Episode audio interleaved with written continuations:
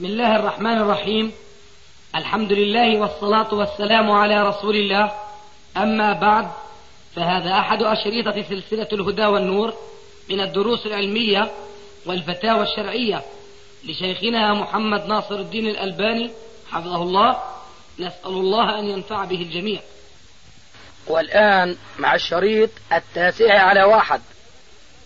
تبين أن الأجبان تصنع باستخدام مادة مستخلصة من معدة الضأن. هذا الكلام في أوروبا وليس هنا. وإن كانت هذه الكمية صغيرة وجدا تكاد تكون أقل من نصف المئة من الحليب الذي تصنع الأجبان منه. فما الحكم؟ الجواب أن هذه المادة التي يفترض أنها نجسة لأنها استخرجت من حيوان لم يذبح ذبحا شرعيا. ولو كان في الأصل آه، حلال الأكل. لكن إذا لم يذبح هذا الحيوان الذي أصله حلال فيصبح كالميتة. والميتة نجسة كما يفترض أن تكونوا على علم بذلك فهذه المادة التي تصنع منها الأجبان لا حال من حالتين. إما أن يتغير عينها بسبب التفاعل الكيميائي بينها وبين مادة الحليب الذي يتحول إلى جبن. وإما أن تبقى محتفظة بشخصيتها وعينيتها. فإن كانت الحالة هي الصورة الأولى أي أنها تحولت فالتحول من المطهرات شرعا. ومن الدليل على ذلك تحول الخمر إلى خل. فالخل يصبح طاهرا حلالا مع أن أصله كان حراما. وكذلك وهذا نص لكن بعض العلماء يأتون بأمثلة أخرى ينظرون فيها إلى واقع النجاسة المحرمة والتي تحولت إلى شخصية ونوعية أخرى. أطفي فمن الأمثلة على أن تحول العين النجسة أو المحرمة إلى حقيقة أخرى أنها أن هذا التحول من المطهرات الحيوان الميت الفطيسي قد تتحول بسبب العوامل الطبيعية كالرياح والأمطار والشمس ونحو ذلك إلى ملح مع الزمن هالميت النجسة تتحول مع الزمن إلى ملح؟ فهل ينظر شرعا إلى واقع هذا الذي تحول وهو الملح أم ينظر إلى أصله؟ الجواب لا لا نعود إلى الأصل وإنما نحن ننظر إلى هذا الواقع.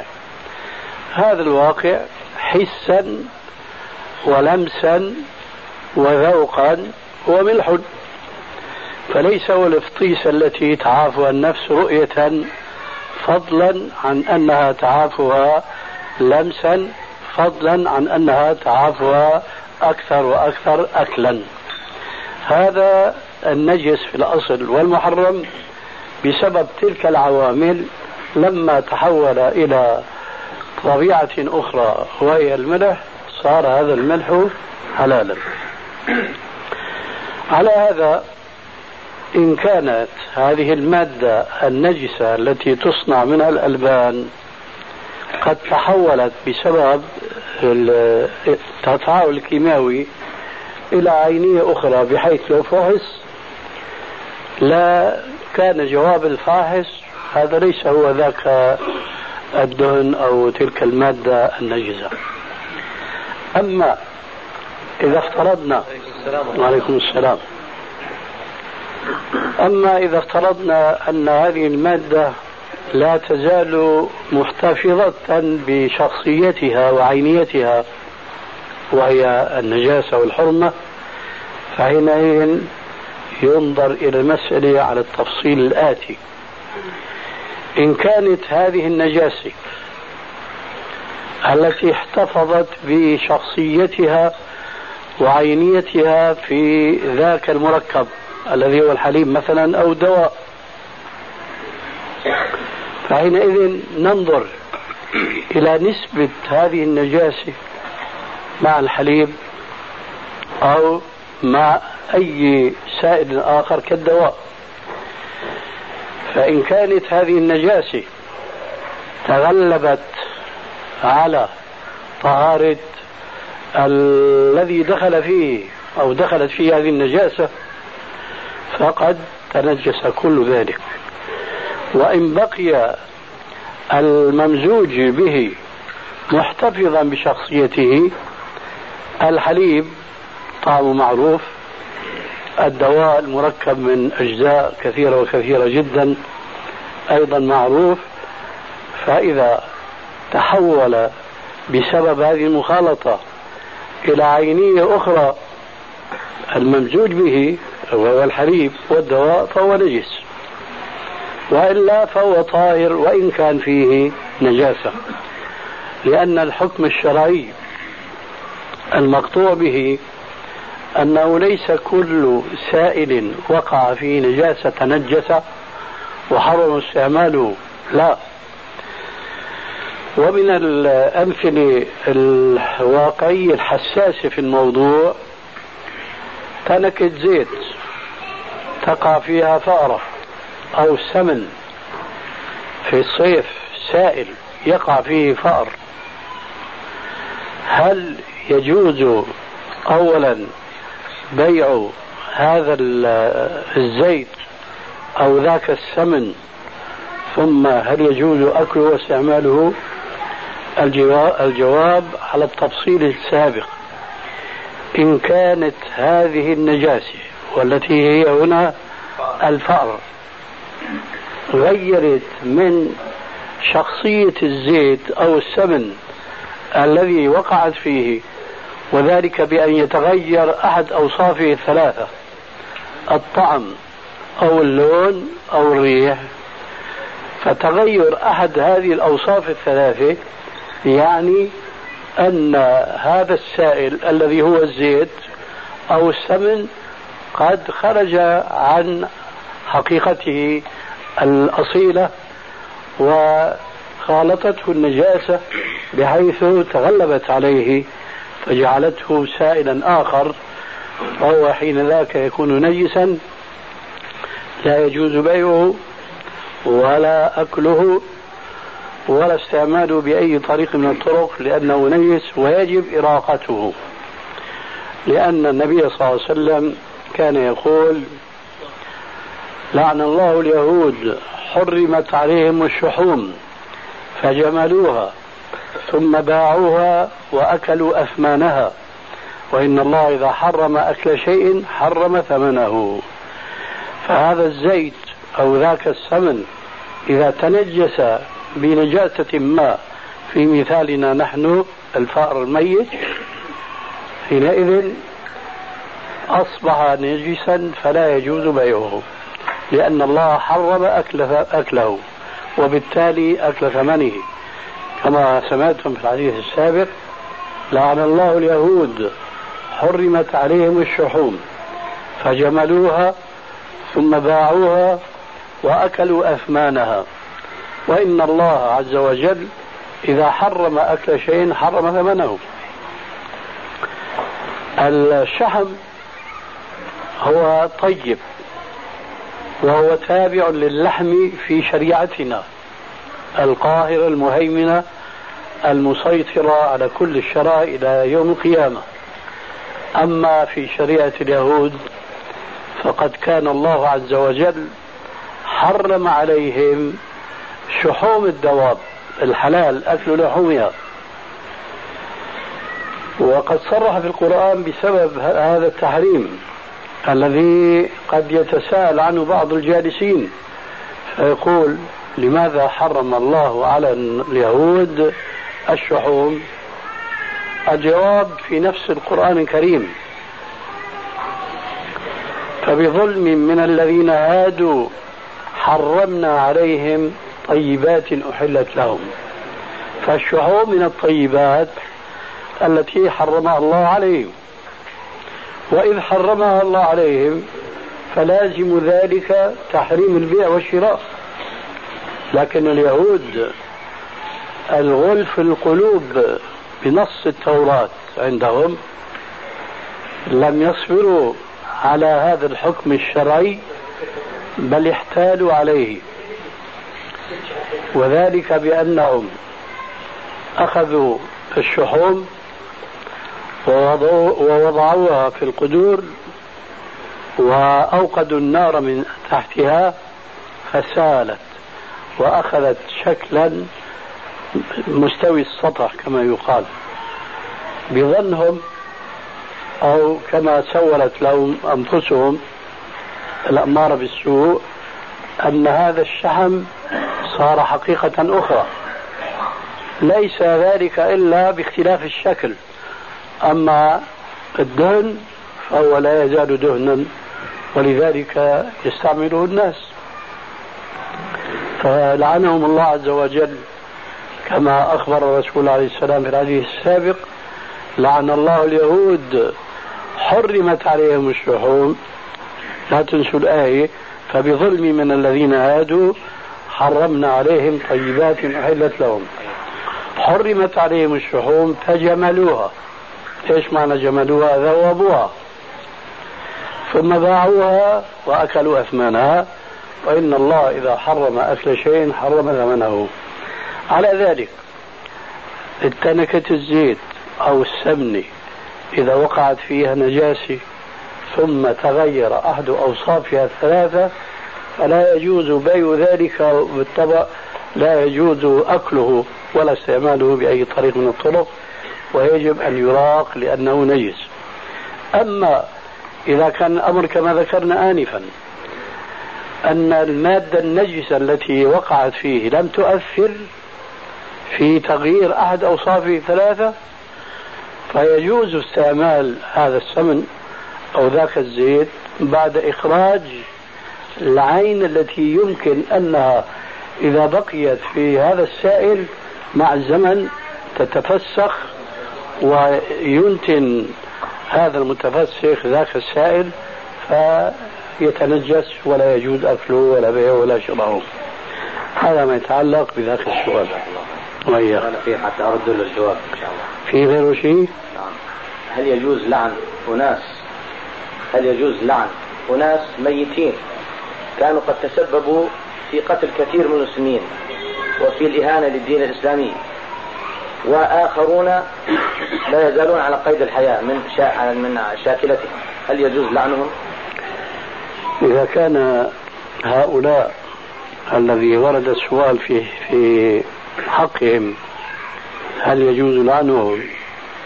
يجب أن تدرس المسألة دراسة دقيقة جدا هل هم تسببوا بقتل جماعة من المسلمين بقصد سيء فحينئذ جواب يجوز. أما إن كان ذلك خطأ منهم فلا يجوز. ولعن المجرم في الإسلام أمر جائز خلاف لما يظن بعض الناس.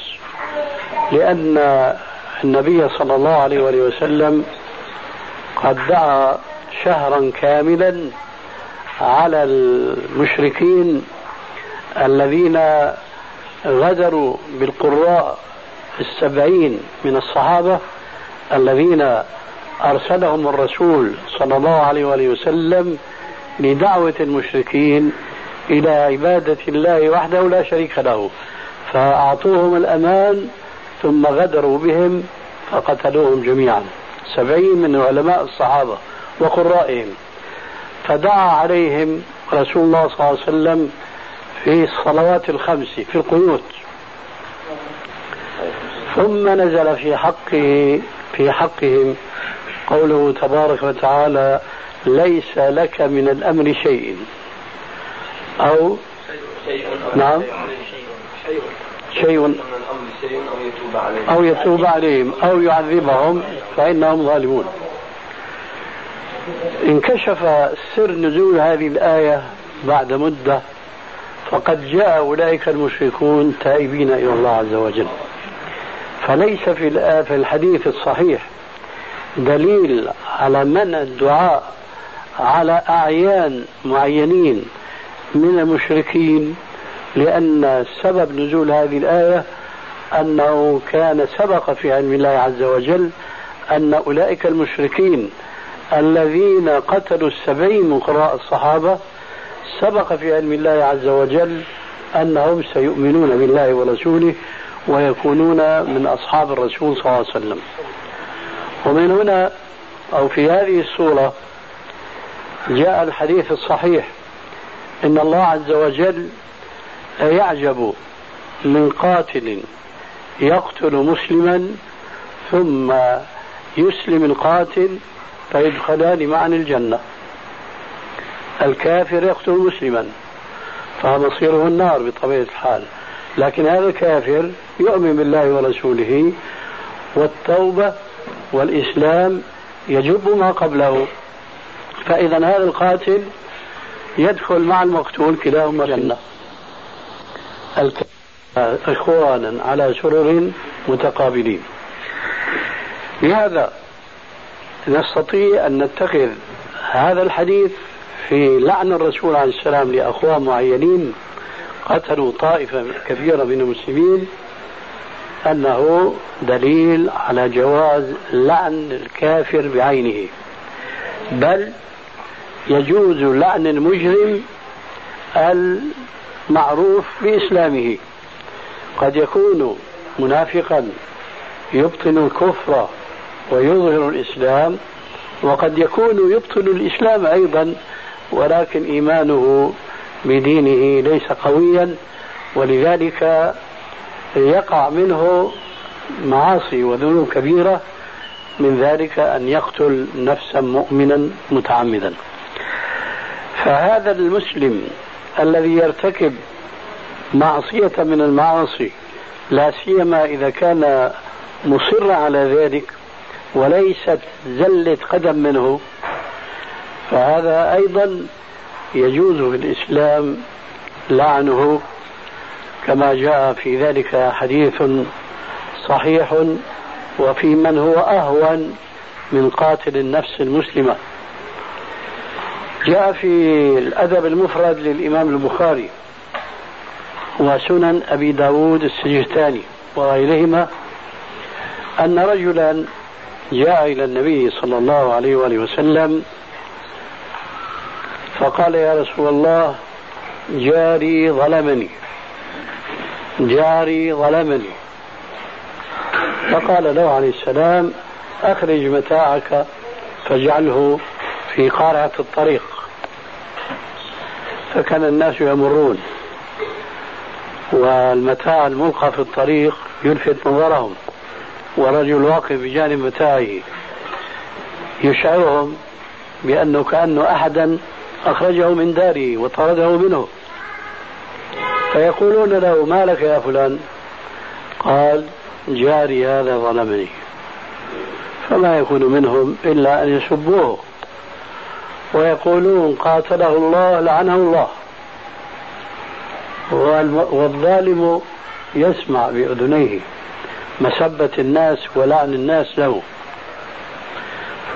فكان ذلك أقوى رادع له عن ظلمه لأنه سار إلى النبي صلى الله عليه وآله وسلم ليقول يا رسول الله مر جاري بأن يعيد متاعه إلى داره. فقد لعنني الناس. فكان جوابه عليه الصلاة والسلام لقد لعنك من في السماء قبل أن يلعنك من في الأرض. الشاهد هنا أن النبي صلى الله عليه وسلم أقر الناس الذين لعنوا هذا الظالم. وما أنكر ذلك عليهم حينما وصله خبرهم من هذا الظالم حين قال لعنني الناس. ومن أجل ذلك يقول علماء الأصول أن سنة النبي صلى الله عليه وسلم تنقسم إلى ثلاث أقسام سنة قولية من كلامه وسنة فعلية يفعلها الرسول عليه السلام بين أصحابه أو تقريره يرى شيئا فلا ينكره.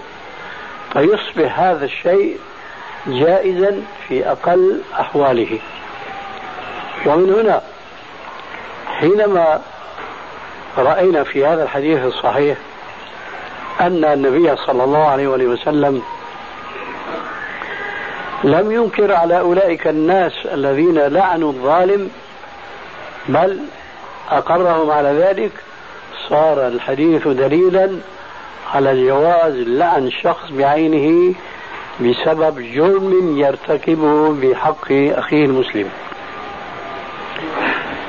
وقد يكون الجرم أعظم إذا كان فيه دعاية لجرمه الذي هو واقع فيه. وعلى ذلك جاء الحديث الصحيح من قوله صلى الله عليه وآله وسلم صنفان من الناس لم أرهما بعد. رجال بأيديهم سياط كأذناب البقر يضربون بها الناس. ونساء كاسيات عاريات مائلات مميلات رؤوسهن كأسنمة البخت المائلة. زاد في حديث آخر إلعنوهن فإنهن ملعونات لا يدخلن الجنة ولا يجد ريحها وإن ريحها لتوجد من مسيرة كذا وكذا. وفي بعض الأحاديث الأخرى الصحيحة إن ريح الجنة توجد من مسيرة مئة عام. مع ذلك هذا الجنس من النساء المتبرجات الكاسيات العاريات يقول الرسول صلى الله عليه وسلم لا يدخلن الجنة ولا يجدن ريحها وإن ريحها لتوجد من مسيرة مئة عام. لهذا يجوز لعن الكافر بل والفاسق من باب تأديبه سواء كان ذلك في وجهه أو في غيبته. من أجل هذا جمع بعض العلماء ست خصال يجوز للمسلم أن يستغيب بها من تمثلت فيه هذه الخصال. فقال الشاعر الفقيه القدح ليس بغيبة في ستة متظلم ومعرف ومحذر ومجاهر فسقا ومستفت ومن طلب الإعانة في إزالة منكره تعلمون جميعا أن الغيبة محرمة أشد التحريم بالكتاب والسنة وأن تعريفها أو صفة الغيبة كما قال عليه السلام الغيبة ذكرك أخاك بما يكره. قال يا رسول الله أرأيت إن كان فيه ما قلت؟ قال إن قلت ما فيه فقد اغتبته وإن قلت ما ليس فيه فقد بهته فالبهتان بلا شك جرم عظيم. هذه الغيبة وهي أن تذكر أخاك المسلم بما فيه حرام. نعم. بما يكره. نعم. صح. إلا في هذه الخصال الست وهي قال متظلم رجل مظلوم فهو يذكر ظالمه بظلامته كما سبق في الحديث السابق كيف شكاه للنبي. فواضح جدا أن ذهابه للرسول وقوله فلان ظلمني هذه غيبة. ووصفه بما فيه هذه غيبة.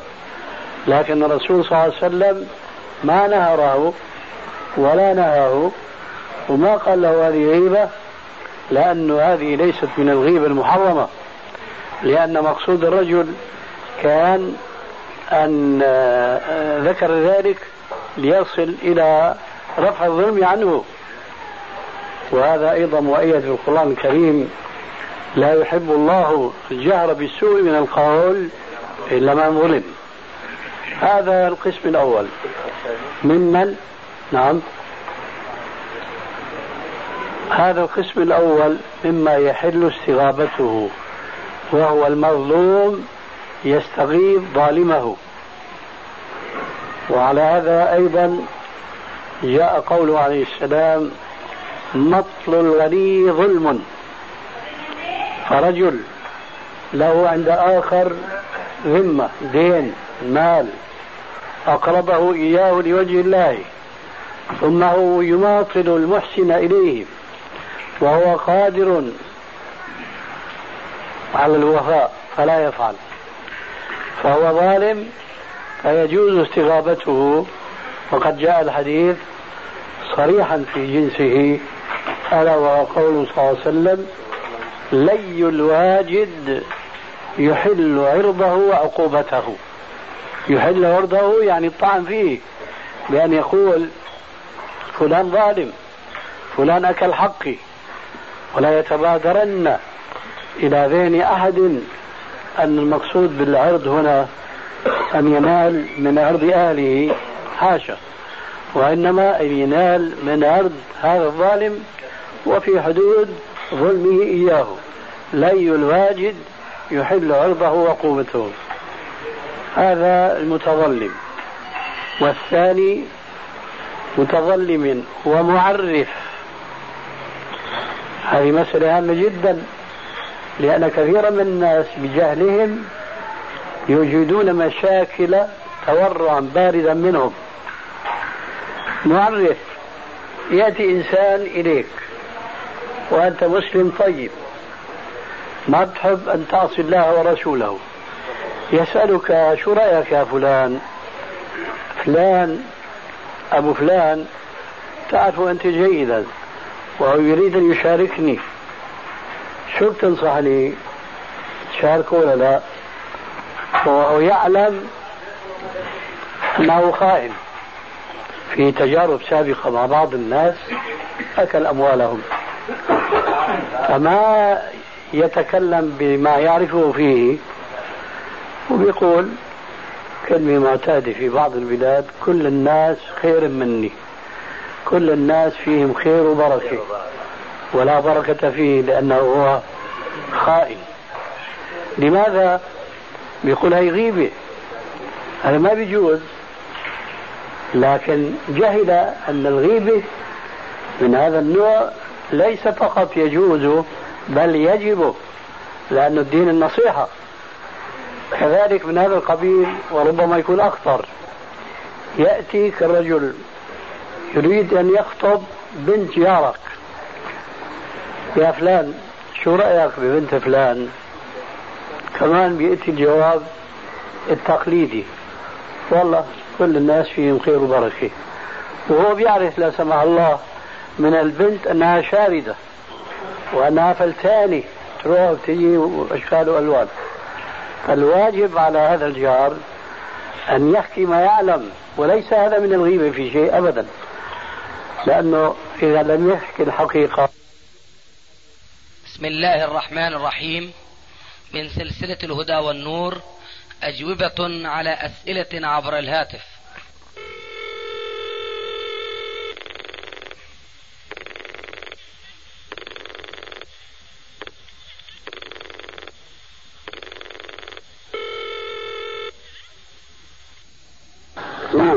السلام عليكم. وعليكم السلام ورحمة الله وبركاته. مساك الله بالخير. مساك الله بالخيرات والبركات كيف حال أستاذنا؟ الحمد لله بخير. كيف أنت؟ الحمد لله رب العالمين بخير من الله. بخير. الحمد لله كلهم بخير. الحمد لله. أستاذي نعم. في عندنا كم من سؤال بعد إذنك. آه، هناك؟ هل العقيقة توزع أو تطبخ آه، أو تبقى في البيت؟ وما هي السنة في هذه؟ الذي يوزع العقيقة حدث التصرف فيها. نعم. يفعل ما يشاء بأي إلزام إلى بنوايا معينة بمعنى إن شاء كذا هو أهله كله إن شاء وزعها كلها. على الفقراء والمساكين نعم. شاء أداها إلى أصدقائه وأقربائه إن شاء منع من هيك وهيك وهيك أي نعم. النية حر نعم. آه، أستاذي آه، يوجد رجل آه، له صداقة مع أحد التجار فقال له التاجر إذا أحضرت لي زبائن فأنا أعطيك خمسة بالمئة إذا اشترى بمئة دينار. هل على هذا الصديق للتاجر؟ يجوز له ذلك؟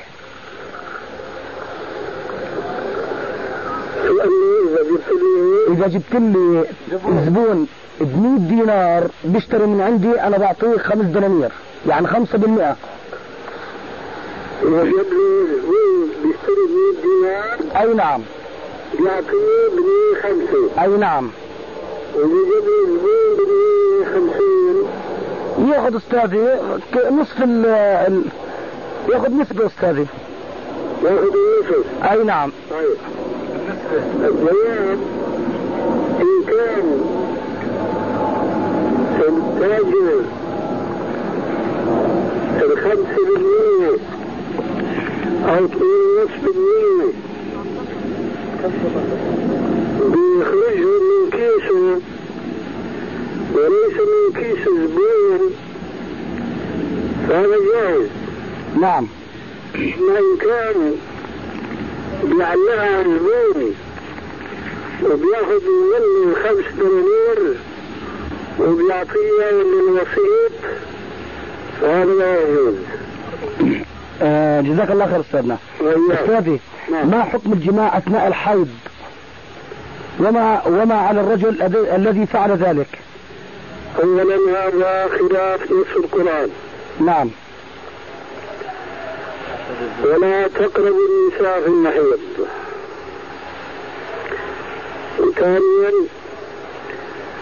في أحاديث فيها وعي شديد من أتى حائضا فقد كفر بما أنزل على محمد ومن فعل ذلك فعليه أن يتصدق بنصف دينار.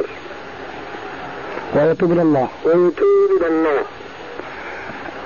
أستاذي نعم. هل يجوز للزوج عند مداعبة زوجه أن يرضع من حليبها أي من ثديها؟ ما في مانع. جزاك الله خير أستاذنا. وإياك السلام عليكم ورحمة الله وبركاته. وعليكم السلام ورحمة الله وبركاته.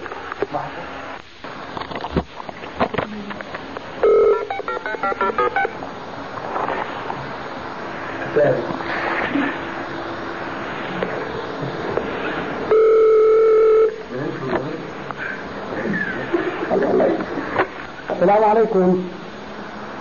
كيف حال أستاذنا؟ أنا أستاذي بتكلم الآن من بيت آه، صهري بخصوص طبعا إحنا جالسين الآن بخصوص آه، تعرف توفت رحمة الله عليها والدته. يعني في بس بعض الأسئلة إن شاء الله راح أسألك إياها الآن. أي نعم لو سمحت دقيقة واحدة. آه، أستاذنا. سامعني؟ أستاذي بخصوص بخصوص هذا الموقف اللي هو طبعا يكون فيه الوفاة. في البعض يضع القرآن اللي بيقرأ طبعا في المسجل. فما رأيكم في ذلك؟ قراءة القرآن والمناسبة من قارئ حي أو من مسجل ميت. كلاهما لا يشرع في دين الإسلام. وعلى من أصيب بميت أولا أن يتلقى ذلك بالرضا والقبول وبالصبر الجميل. كما قال تعالى ولنبلونكم بشيء من الخوف والجوع ونقص من الأموال والأنفس والثمرات وبشر الصابرين الذين إذا أصابتهم مصيبة. قالوا إنا لله وإنا إليه راجعون. أولئك عليهم صلوات من ربهم ورحمة. وأولئك هم المهتدون. ومن ذلك أن يقول إنا لله وإنا إليه راجعون. وكلما استحضر عظمة المصيبة كرر هذه العبارة الجميلة. إنا لله وإنا إليه راجعون. ويكثرون الدعاء للمتوفى من كل من يسمع بوفاته من قريب أو من بعيد. ولكن الابن والبنت للمتوفى لهما أن يقرأ من القرآن ما شاء عن روح للمتوفى سواء كان أبا أو كان أما. أما الآخرين فلا يقرأون القرآن روح هذا المتوفى وإنما لهم الدعاء. ربنا اغفر لنا ولإخواننا الذين سبقونا بالإيمان. ربنا ولا تجعل في قلوبنا غلا للذين آمنوا. هكذا ينبغي أن يكون موقف المصاب بمثل هذا المصاب ونسأل الله للميت الرحمة. اللهم آمين. وللمصابين الصبر. هذا ما عندي. استاذي نعم. بخصوص الطعام.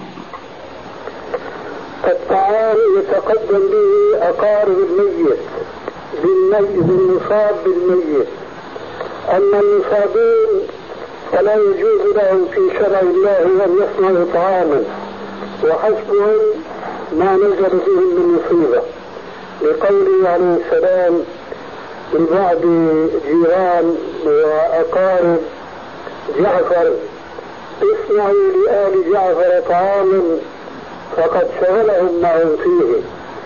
ففوق انشغالهم بمصيبتهم لا يجوز أن يشغلوا أنفسهم بضيافة واستقبال المعزين لأن هذا ليس عرسا إنما هذا وفاة. فلا يجوز خذ الطعام من المصابين وانما من الجيران يصنعون الطعام للمصابين هذا فقط. أستاذنا نعم. بخصوص يعني في مثل هذه المجالس أحيانا يعني يتطرق البعض في بعض الأسئلة عن الدنيا والجنة والنار. نعم. من يعني من الجالسين أو من عامة الناس البعض منهم ينكرون الآخرة وينكرون الجنة؟ يعني يقولون أنه إذا مات الميت خلاص راح. مات كالكلب. فمثل هذا الرجل أو هذا القائل يعني ما الحكم في ذلك؟ هذا ليس مسلما ولا يهوديا ولا نصرانيا. واليهود النصارى خير منه لأن هذا جاهلي هذا زنديق ملحد. وهو لا يؤمن بالله ولا برسوله. وفي القرآن الكريم وضرب لنا مثلا ونسي خلقه. قال من يحيي وهو رميم. قل يحييها الذي أنشأها ولا مرة وهو بكل شيء عليم. المهم أخي هذا ليس مجال البحث في حقه بمناسبة هذه الوفاة. جزاك الله خير. وإياك. السلام عليكم. وعليكم السلام ورحمة الله وبركاته. خلاص خلي خلي. خلاص ولا نفس نعم. السلام عليكم. وعليكم السلام ورحمة الله. كيف حال أستاذنا؟ أهلا وسهلا. آه، في عندي لك من سؤال تسمح لنا فيهم؟ تفضل. آه، من الأفضل صلاة السنة في البيت أم في المسجد يا أستاذي؟ البيت. في البيت. معلوم أفضل صلاة المرء في بيته إلا المكتوبة. نعم. هكذا يقول الرسول عليه السلام. صلى الله عليه وسلم. آه، استاذنا ما كيفية السلام الوارد عن النبي صلى الله عليه وسلم في الصلاة؟ وهل ورد أنه عليه السلام كان يبدأ السلام جهة القبلة ثم يشير إلى اليمين ثم إلى الشمال؟ هذا التفصيل لا أصل له في السنة وإنما كان يلتفت إلى يمينه قائلا السلام عليكم ورحمة الله. ثم يلتفت إلى يساره قائلا السلام عليكم ورحمة الله. أما هذا التفصيل فلا أصل له في السنة. نعم. يقول به بعض المذاهب كمذهب الشافعي لكن لم يرد في السنة. آه، أستاذنا بخصوص يعني اليمين آه، في موعظة فيها هذه الشيء أو فيها يعني لها موعظة مثلا على اليمين وعلى الشمال؟ يعني المقصود عنها الملائكة يعني؟ في قيل يعني أنه يسلم على من عن يمينه من المسلمين ومن على كتفيه من الملائكة.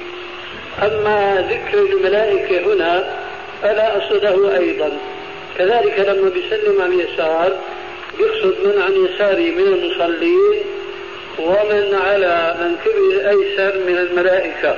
نعم. لكن ذكر الملائكة سواء عن يمين أو يسار لم يرد له ذكر في السنة. أستاذنا عذاب القبر هو عذاب حتى يوم القيامة أم متقطع؟ وما الدليل على ذلك؟ آه، ربنا قال في القرآن الكريم في حق فرعون وجماعته النار يعرضون عليها غدوا وعشيا. غدوا وعشيا. نعم.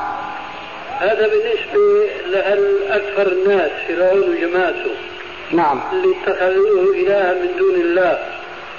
أما الآخرين لا شك يعني من الفساق من المسلمين بيكون عذابهم دون ذلك. أما تفصيل بين كم وكم فهذا ليس له ذكر في السنة. نعم. أستاذي آه، يوجد عندنا الآن في بعض الأهالي في هذا البلد يزينون باب بيوتهم للعودة المسلم من آه، تأدية فريضة الحج هل هذا له شيء من السنة؟ على العكس من ذلك تزيين البيوت إذا كان يعني برضا الحاج القادم فهو إن كان لا يفسد عمله فبلا شك ينقص عليه أجره لأنه من باب الرياء والسمعة. والرسول عليه السلام يقول من رأى الناس رأى الله به ومن سمع الناس سمع الله به. وإن كان بدون رضا من الحاج فيكون المسؤولية والمؤاخذة منصبة على الأهل الذين يزينون المنزل بمناسبة قدوم الحاج. الله يجزيك كل خير يا أستاذي. نعم. طيب السلام عليكم. ألو. نعم نعم أستاذي. كيف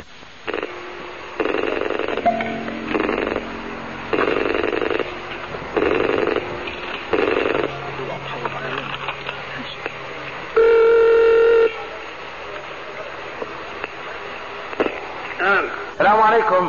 السلام ورحمة الله. أتعزاك يا أستاذنا. عفوا. عندي أحد الإخوة وفي عنده هذا السؤال. نعم. يقول يميل الشيخ الشيخ ابن تيمية إلى تقسيم التصوف لسني وبدعي فما قول فضيلتكم خاصة وإن, وإن هذا الرأي يميل له الآن بعض دعاة السلفية كالدكتور مصطفى حلمي في كثير من كتبه. وهذا سلفي؟ نعم. مصطفى حلمي سلفي؟ يقول أنه سلفي. شو الدليل على سلفيته؟ شو الدليل على سلفيته. يكتب في السلفية يكتب اسأل هذا الرجل اللي يسأل هذا السؤال. شو الدليل على سلفيته؟ تكلم مع الشيخ. هو هو يزعم إن هو سلفي وينتصر لإثبات الصفات على مذهب السلف ويذم مذهب الأشاعرة. ينتصر لمذهب السلف ودايما يذم ما عدا مذهب السلف باستمرار. وأكثر من الكتب عن شيخ الإسلام ابن تيمية في الفترة الأخيرة وأكثر من ان ألو. نعم نعم أستاذي. أنت مش سامعه؟ عم يقطع الكلام. أي نعم أستاذي يعني ويذم تكلم تكلم يعني أستاذ أنه دائما يكتب في منهج السلف. هذا الرجل. شو اسمه؟ شو في له ابن كتب؟ تيمية والتصوف ابن تيمية والتصوف هذا ما بدنا على كونه سلفي أخي. على كل حال أخي التصوف آه لا يمدح لأنه تصوف. لكن ما كان منه مطابقا للكتاب والسنة فهو يعني مما ينبغي عدم رده بمجرد أنه يقال إنه تصوف.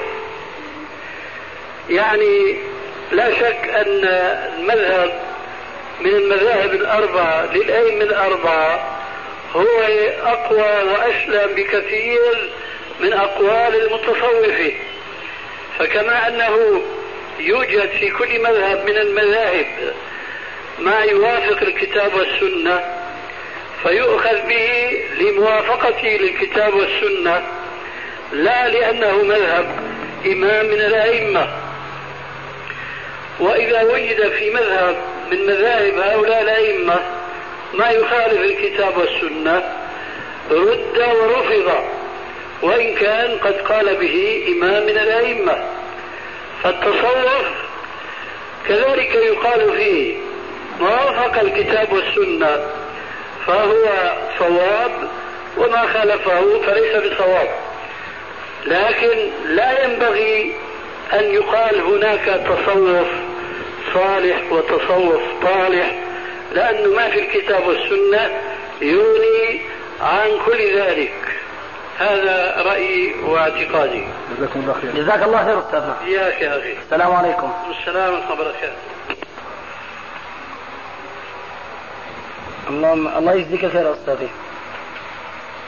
بارك الله فيك. آه عندنا هنا أخونا نعمان. بريد يستفسر منك. أي نعم ممكن في خصوص هذه المسألة. تفضل. السلام عليكم. السلام عليكم. وعليكم السلام ورحمة الله. والله يا شيخ سؤال معلش. في تجمع سكني للمسلمين ولا يوجد به إلا مسجد واحد. كيف؟ تجمع سكني للمسلمين. آه. إسكان للمسلمين لا يوجد به إلا مسجد واحد. أيوه. وهذا المسجد مبني بجوار مقبرة. بل وجدنا أمام المحراب عدد من القبور. أيوه. فهل يصلى به أم يصلي أبناء الحي منفردين؟ باقي المساجد بعيدة عن المنطقة. لا يصلون فيه ولا يصلون منفردين. بارك الله فيك. يصلون به. لا لا ما سمعتني. لا يصلون فيه ولا يصلون منفردين. منفردين. أين يصلون؟ وإنما يصلون مجتمعين ولو في دار أحدهم وإن تعثر ذلك. إلى أن يتمكنوا من بناء مسجد وهذا واجب عليهم. نعم. لكن إن تعثر هذا الأمر. من باب وجود الحرج عند البعض أو آه، قلة الفهم الإسلامي. لا يتعثر عند اثنين ثلاثة من المسلمين. نعم. وليس المقصود أن يجتمع المسلمون جميعا. نعم. لأن المسجد الذي لا إشكال فيه لا يجتمعون فيه جميعا. نعم. ولا تكلف إلا نفسه. لكن لو تعثر الاجتماع يصلي منفردا ولا يصلي في المسجد. نعم. لكن نحن لا نقنع. نعم. ما نصلي في المسجد. صحيح. على أساس نصلي منفردا. وإنما نعمل دعوة لمن آه، يترجى عندنا أنه يتجاوب معنا أن لا يصلي في هذا المسجد ويصلي في دار أحد هؤلاء المسلمين الطيبين. بارك الله فيك. يعني ما ينبغي أن نقنع بالهريبة أيوه. فقط من هذا المسجد ونلاقي غنيمة كل واحد بقى بيصلي في البيت كسلا لأنه والله الصلاة في هذا المسجد لا تصح. وإنما على هؤلاء أن يسعوا وأن يتجمعوا اثنين ثلاثة في أي مكان. نعم. وبعد ذلك يعني يخلق الله ما لا تعلمون. جزاك الله خيرا. وإياك إن شاء الله. السلام عليكم. السلام عليكم.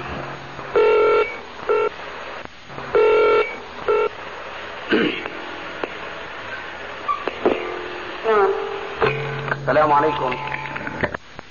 خلاص نعم. السلام عليكم. وعليكم السلام ورحمة الله وبركاته. كيف حال أستاذنا؟ أحمده وأشكره الله يبارك فيك. كيف حالك؟ الحمد لله. كيف صحتك اليوم؟ الحمد لله أحسن الحمد لله. بخير من الله. العيال جميعا بخير. الحمد لله كلهم بخير. ندعو بسلامتك أستاذنا. الحمد لله الله يسلمك. الله يبارك فيك. أستاذي نعم. في حديث في صحيح الجامع نعم. نهى رسول الله صلى الله عليه وسلم عن الوحدة أن يبيت الرجل وحده. نعم. هل هذا أستاذنا الحديث ينطبق على يعني على مثال إن مثلا أهلي سافروا من هذا البلد إلى بلد آخر عند أهلها على مثال وأن أبيت أنا وحدي في هذا البيت. الوحدة مثل هذا المثال اللي أنت عم تصوره.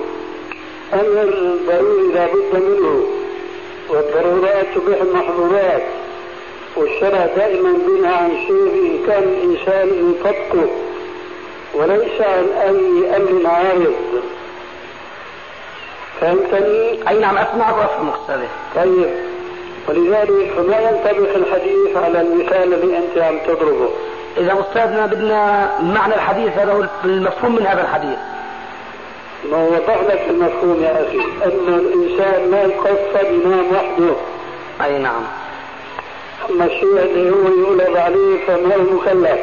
طيب أستاذنا قد يكون من البعض أنه آه، يعني أن يتضايق من النوم مع زوجته حتى. يعني ينام هو في غرفة وهي تنام في غرفة. إيه هذا هو يعني بينصب الحديث عليه. أي نعم. هذا اللي بينصب الحديث عليه. أي نعم. اي نعم. جزاك الله خير. وإياك. آه، أي خدمة أستاذي؟ أنت بارك الله فيك. أستاذي. نعم. آه، هذا للتحريم ولا للكراهة؟ التحريم للتحريم. آه. السلام عليكم. السلام ورحمة الله. نعم. السلام عليكم. وعليكم السلام وبركاته. مساك الله بالخير. مساك الله بالخيرات والبركات كيف حال أستاذنا. الحمد لله بخير. كيفك أنت الحمد لله رب العالمين. كيفك اليوم؟ بخير الحمد لله.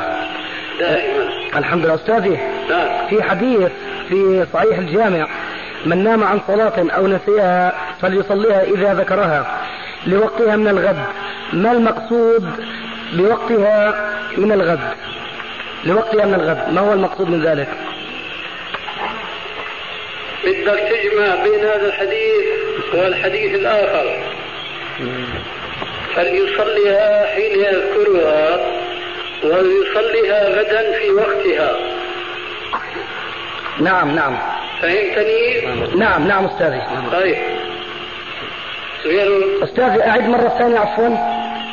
بقول هذا الحديث ما بيتعرض لصلاة المنسية وإنما لصلاة اليوم الآتي.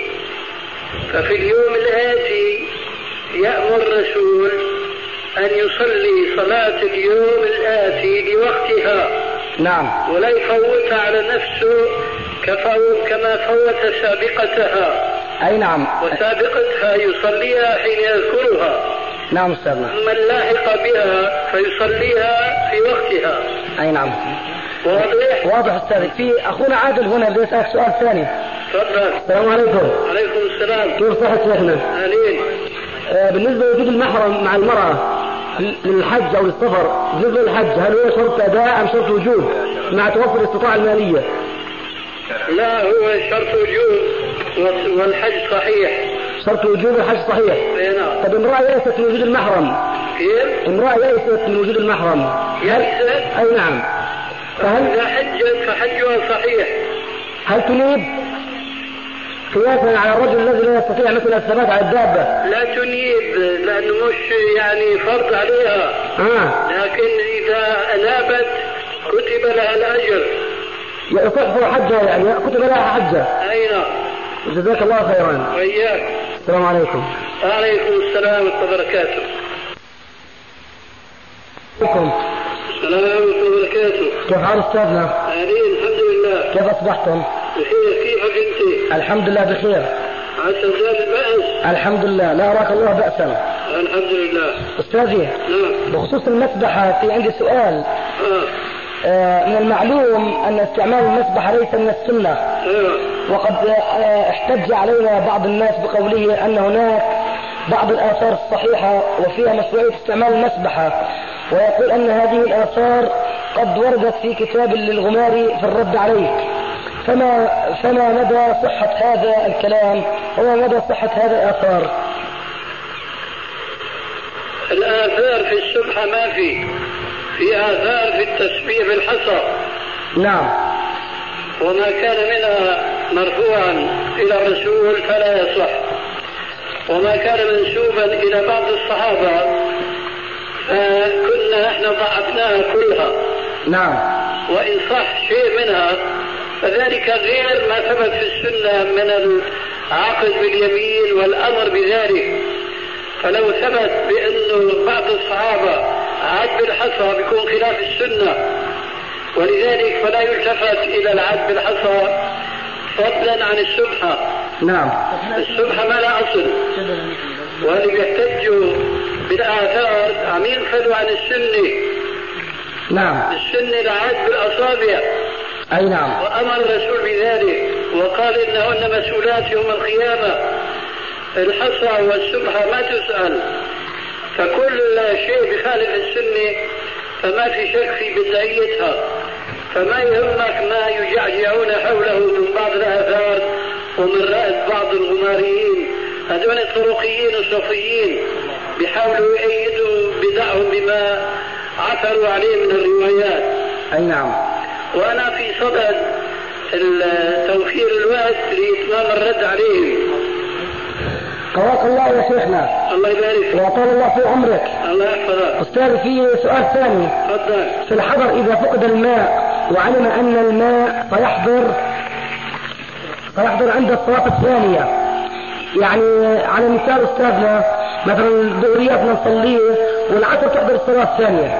يعني تحضر المية فيه آه، أمين أفضل أستاذي أتيمم حتى أصلي الظهر في وقتها ولا أجلها يا أستاذ يعني على أساس إنه الآن يعني بجوز لنا أن نعمل جمع تأخير. لا لا ما في داعي للتأخير بيصلي الصلاة في وقتها أو بالتيمم. جزاك الله خير. وإياك. السلام عليكم. السلام ورحمة الله وبركاته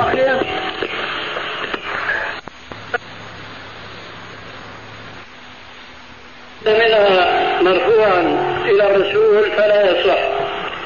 وما كان منسوبا إلى بعض الصحابة فكنا إحنا ضعفناها كلها. نعم. وإن صح شيء منها فذلك غير ما ثبت في السنة من العقد باليمين والأمر بذلك. فلو ثبت بأنه